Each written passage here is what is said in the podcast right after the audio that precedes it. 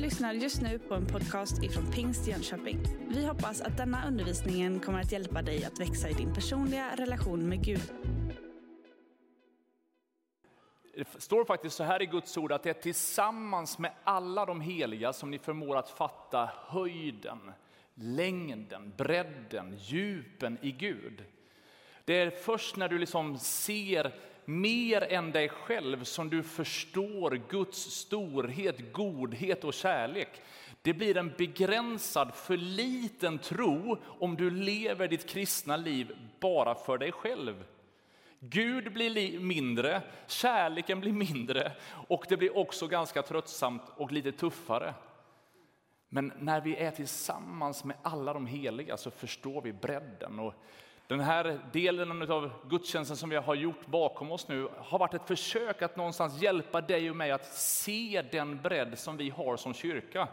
I varje sånt här fält skulle vi kunna dyka ner lite mer och se att det vecklas ut ännu fler olika delar som görs. Det görs ju kopiöst många olika saker kopplat till varje del. För några veckor sedan så i min vardagliga bibelläsning så föll min blick på ett av kapitlen i Uppenbarelseboken. Och jag blev uppmuntrad av läsningen som bekräftade liksom den här uthålligheten. Du har kämpat, du har stått i, du har hållit fast. Och man kunde på något sätt läsa Pingst Jönköping genom coronapandemi och allt möjligt annat. Man känner tack gode Gud för att du har bevarat oss och hållit din hand över oss. Välsignat vår ekonomi, varit med och lett människor till tro. Trots att det varit många saker som varit utmanande så har Gud varit där. Men så fortsätter profeten att utmana genom att säga en sak har jag emot dig och så vänds den här liksom glädjen och passionen över uthålligheten till att det verkar som att du har förlorat den första kärleken. Det har gått från att vara passion till att bli lite för mycket plikt. Och jag har en bön för det här året att det ska få vara enormt många som säger bara jag vill vara med i söndagsskolan. Vi ska ha hur mycket ledare som helst i söndagsskolan eller i ungdomsarbetet eller i våra servicegrupper. Eller John ska få kämpa hårt och liksom träna ljudtekniker för det ska stå så otroligt många som säger att jag vill vara med i tekniken. Men inte på grund av plikten. Ställ upp, det fattas. Utan lusten av att jag vill vara med och tjäna. När jag blev tillsammans med, med Gabriella som nu är min fru, då var vi 15 år gamla, så det är typ tre, över 30 år sedan. Då kunde vi resa till varann. Vi bodde i totalt olika delar av Göteborg. Eh, och det kunde liksom ta en och en halv timme kommunalt från en till den andra. Och efter skolan åka dit för att egentligen bara säga hej innan man skulle åka hem kunde ju kännas som väldigt bortkastat, så oändligt mycket tid i kollektivtrafiken. Men passionen hade ingen gräns. Kärleken hade ingen sån här, ah, vi tar det längre fram. Utan lusten, längtan efter varann fanns så starkt så att det var liksom en naturlig drivkraft. Innan vi till och med blev ett par så sa alla mina kompisar, när ska ni bli ihop? Och jag bara, nej men jag är inte kär i henne. Bara, jo, eh, eh. för mitt livsmönster visade så tydligt vad som var mitt hjärtas kärlek.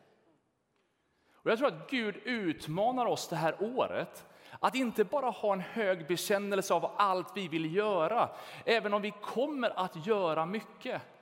Att inte bara se nöden och se allt det som sker och tänka att vi ska bara lösa det här, utan att någonstans få se allt det som vi har framför oss som en möjlighet faktiskt att bara få vara Guds händer och fötter och säga Gud, tänk att jag får vara med. En del av er var ju här på församlingsmöte i torsdags och det var ju några darrande slutminuter när församlingsmötet drar ut på tiden och så är det landslagsfotboll lite senare. Men man hann ju båda.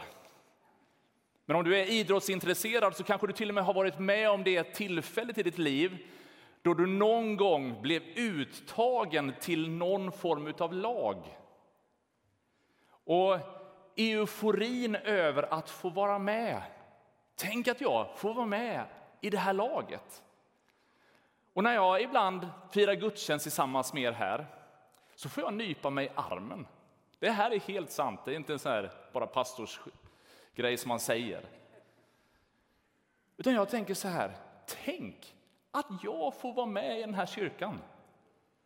Tänk att jag får vara med och göra vad jag kan och bara stå till Guds förfogande och tillsammans med andra se massa saker ske. Och tänk att jag får, jag får vara med om det här.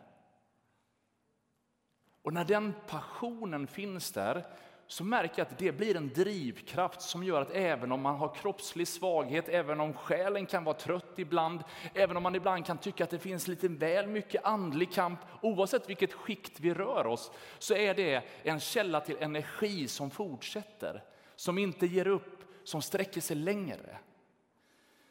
Paulus han skriver i, i Fesebrevet i församlingen där, några vägledande ord. Jag ska till avslutningen av den här gudstjänsten bara ta det med till Efesierbrevet kapitel 4. Där säger han så här, därför uppmanar jag er att leva värdigt den kallelse ni har fått. Var alltid ödmjuka och milda, var tålmodiga och överseende med varandra i kärlek. Gör allt ni kan för att bevara Andens enhet genom fridens band. En kropp och en ande Liksom ni kallades till ett hopp vid er kallelse, en Herre, en tro, ett dop, en Gud som är allas far. Han som är över alla, genom alla och i alla. Men var och en av oss har fått nåden så som Kristus fördelade gåvan. Därför heter det, han steg upp i höjden, han tog fångar och gav människorna gåvor. Det att han steg upp, vad innebär det om han inte också steg ner till jorden? Han som steg ner är också den som steg upp över alla himlar för att uppfylla allt. Och han gav några till apostlar, andra till profeter, andra till evangelister och andra till herdar och lärare för att utrusta de heliga till att fullgöra sin tjänst, att bygga upp Kristi kropp tills vi alla når fram till enheten i tron och i kunskapen om Guds son som en fullvuxen man med ett mått av mognad som motsvarar Kristi fullhet. Då är vi inte längre barn som kastas hit och dit och dras med av varje vindkast i läran. När människorna spelar sitt falska spel och listigt förleder till villfarelse. Nej, vi ska hålla fast vid sanningen i kärlek och på alla sätt växa upp till honom som är huvudet, Kristus. Av honom fogas hela kroppen samman och hålls ihop genom det stöd som varje led ger med den kraft som är fördelad åt varje enskild del. Så får kroppen sin tillväxt och växer upp sig själv i kärlek. Lev värdigt den kallelse ni har fått. Och så ger han lite hands-on instruktioner hur vi ska navigera i det här livet. Och genom att någonstans leva värdigt det och hålla de här sakerna högt så är det inte bara liksom dygder, bra grejer att tänka på utan det är genom att leva i det som varje del i kroppen får den energi och det stöd, den hjälp men också den välsignelse som den är tänkt att skapa och forma. Var alltid ödmjuka och milda var tålmodiga och överseende med varann. Underbart uttryck. Med andra ord, vi behöver inte ha så höga liksom, prestationsångestkrav på vår insats, utan vi gör vårt bästa. Och vi kommer alltid sätta värde på varann. Oavsett liksom hur bra vi gör vissa saker, så bara, ja, men vi gör vårt bästa. Vi bedömer inte varann, vi uppmuntrar varann. Vi tar vara på varandras olikheter.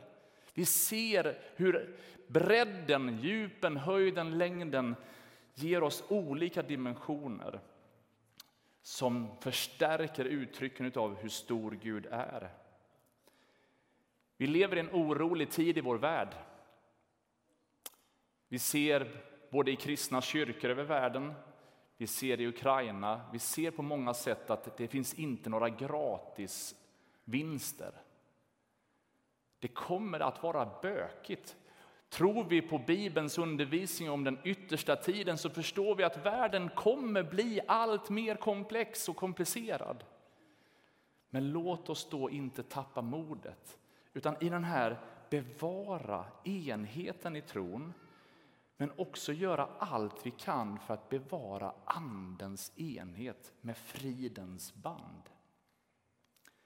Vi har många olika verksamheter. Vi kommer under eftermiddagen efter lunchen beskriva en del av de sakerna som ligger framför oss. Och I det kommer vi också kunna se att amen, det, det har, vi har så många behov. Det finns så många saker som vi skulle behöva göra. Vi kommer behöva prioritera lite olika. Och i det kanske vi kommer ibland tycka lite olika. Och det är bra. Demokrati, yttrandefrihet är inte självklart i andra delar av världen. Vi hyllar det och i församlingen värnar vi det. Men i alla sådana skiften, när vi ska samtala och ha överläggningar, så gör vi allt vi kan för att bevara det med Andens frid av enhet. Gör vi det så kommer vi kunna ha intensiva samtal och på det sättet få fram det bästa av förslag i olika beslut. Håll fast vid sanningen, väx upp i Kristus. Av honom fogas hela kroppen samman. För dig som har varit med i den här kyrkan en längre tid så vet du ett, ett uttryck som har använts under många, många år. Närmare Jesus, närmare varann. Det här bibelordet verkar säga att det är inte vår aktivitet som enbart skapar den gemenskapen, men när vi närmar oss Kristus så blir vi automatiskt också närmare varann. Du har just lyssnat på en podcast ifrån Pingst Jönköping. För att få reda på mer om vilka vi är och vad som händer i vår kyrka så kan du gå in på pingstjonkoping.se eller följa oss på sociala medier via pingstjkpg.